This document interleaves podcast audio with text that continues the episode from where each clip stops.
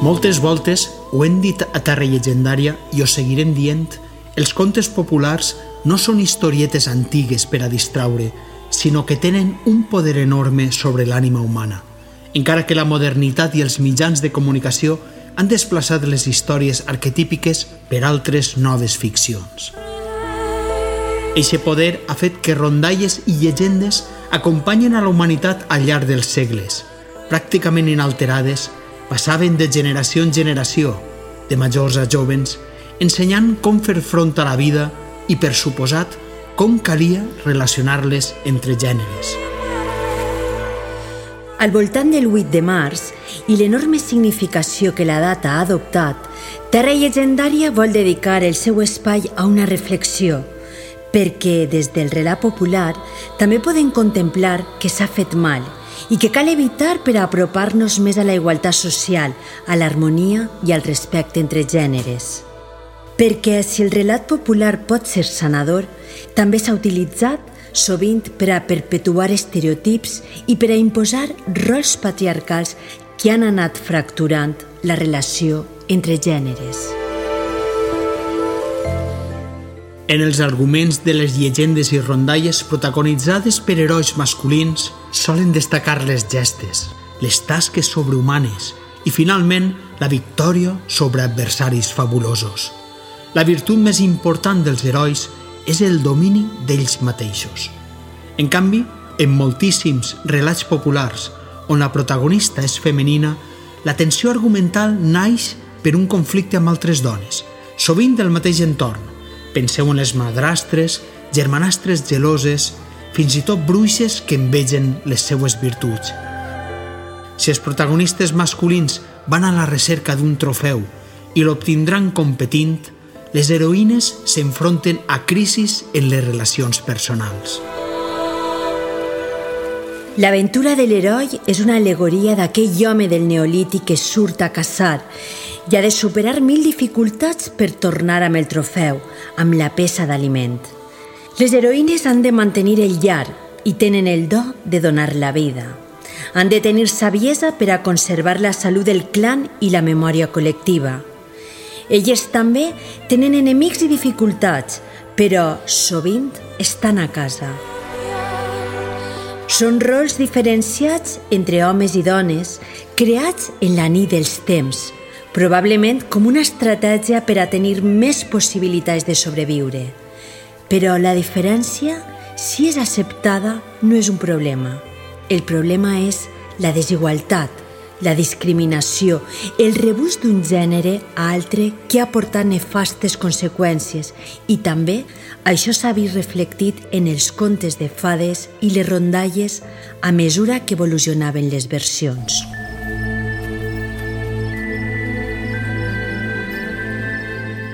Veiem en molts contes traces antiquíssimes que mostren valors igualitaris, valors com els que recordem cada 8 de març.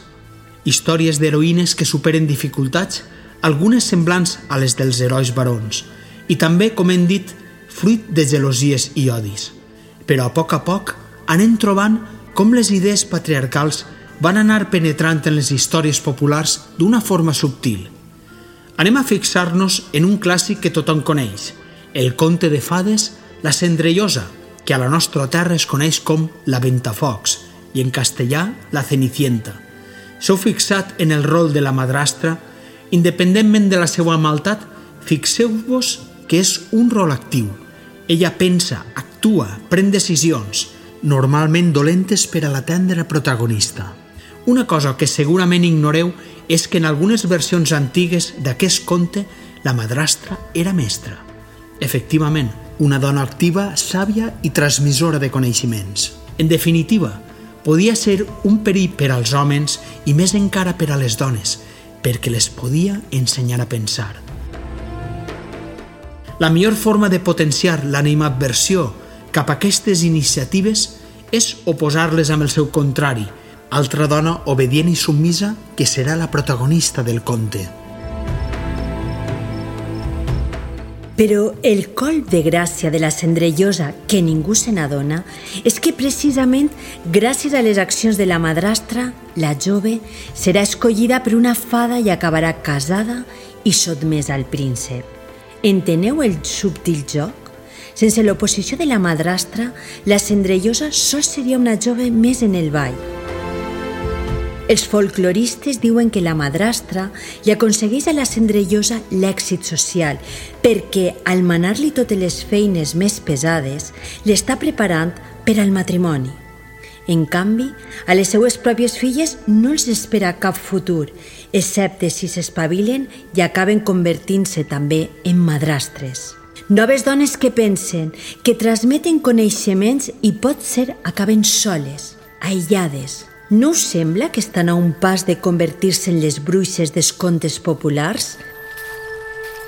Segur que poca gent ha vist la Cenicienta així, i la propera volta que vegeu el clàssic de Disney, que per cert és preciós, o visiteu Euro Disney, sabreu coses que probablement cap dels presents siga ni conscient.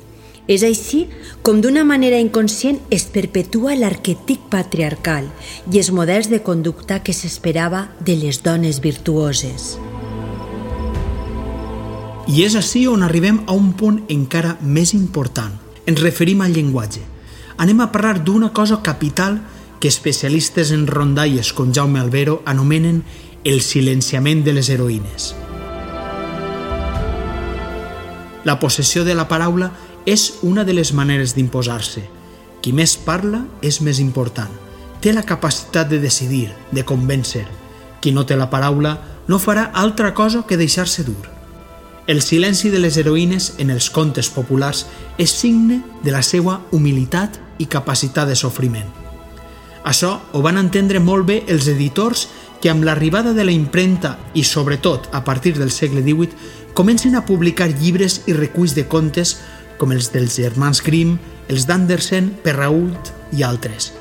Relats que fins a aquest moment eren absolutament de tradició oral, contats tant per homes com dones. I és així, en aquests textos, quan realment s'imposa la visió masculina de gènere i es contamina part dels contes de tot Occident. Les històries protagonitzades per dones sempre han fascinat i sols hi ha que mirar els clàssics que Disney ha fet seus des de Blancaneu. Què van fer els editors de contes en els segles XVIII i XIX per adaptar a les protagonistes als rols que volien? El cas més paradigmàtic és el de l'editor Wilhelm Grimm, el qual, en les successives edicions de La Cendrellosa, va reduir els diàlegs directes de l'heroïna i va augmentar els de la madrastra, el pare i les germanes. I què passa amb Blancaneu? En la història parla poc i en el clàssic de Disney es passa l'estona cantant i deixant-se dur.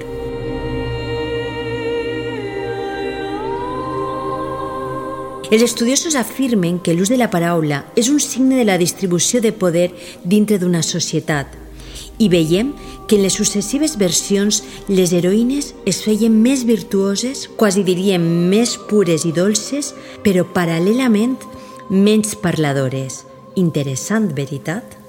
Seguint aquest esquema, la relació vertical que estableixen els personatges masculins, que són els personatges dominants, demana que tinguin més temps la possessió de la paraula i que les heroïnes, malgrat siguin les protagonistes, adopten un paper més passiu, d'oient. De vegades, les joves pateixen un encantament malèfic que les fa perdre la veu – Recordeu el clàssic de la sireneta? Hi ha dos contes que són prototípics perquè fa el silenci de les heroïnes. Es tracta de la Bella Dorment i de Blancaneu, on les fadrines perden temporalment l'estat de consciència i amb ella la facultat del llenguatge. Sembla que sota aquest estat resulten particularment atractives per als prínceps respectius i el que sembla un drama és una virtut gràcies a la qual aconseguirà el seu millor destí, la mà d'un príncep. Les capacitats expressives, com veiem, tenen marca de gènere en el conte popular, o almenys des que homes al cap de les edicions de contes van anar manipulant els relats orals – fent que a poc a poc les seues versions foren les més esteses i interioritzades per la gent. Com veieu, Avui no hem comptat cap de les nostres històries, però considerem que era interessant per a la nostra audiència, a la que considerem ja ben iniciada en aquest fabulós món de relats populars. De vegades val la pena agafar distància i no mirar els arbres, sinó el bosc, perquè així com els contes poden perpetuar un rol patriarcal, també poden fer el contrari, despullar-los de la costra i servir-nos d'ells per a canviar estereotips, donar veu realçar i, en definitiva, sembrar la llavor del respecte i la igualtat. No es tracta de prohibir i molt més de rebutjar el que està escrit. Al contrari, sobre aquesta base, igual que feien els joglars i narradors de tots els temps, podem donar la nostra visió actual de la vida, saber quins valors volem transmetre i afegir-los als contes. Fent això, sols estem fent el que s'ha fet sempre, adaptar-los. Per això es diuen històries populars i no novel·les.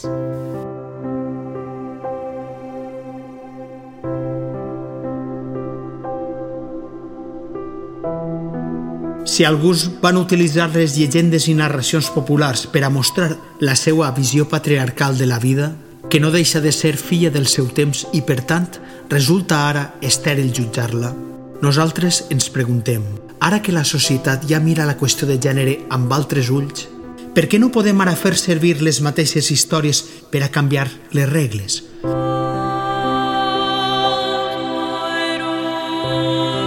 La força sanadora i transformadora de les històries està, sols cal encarar-la bé i pensem que ja és l'hora. I vosaltres, no ho creu així? Nosaltres ho tenim clar i seguirem demostrant que allò que contamen els nostres avantpassats, homes i dones, ho van conservar per a fer-nos bé. El silenci de les heroïnes s'ha acabat. Ara estàs en terra llegendària.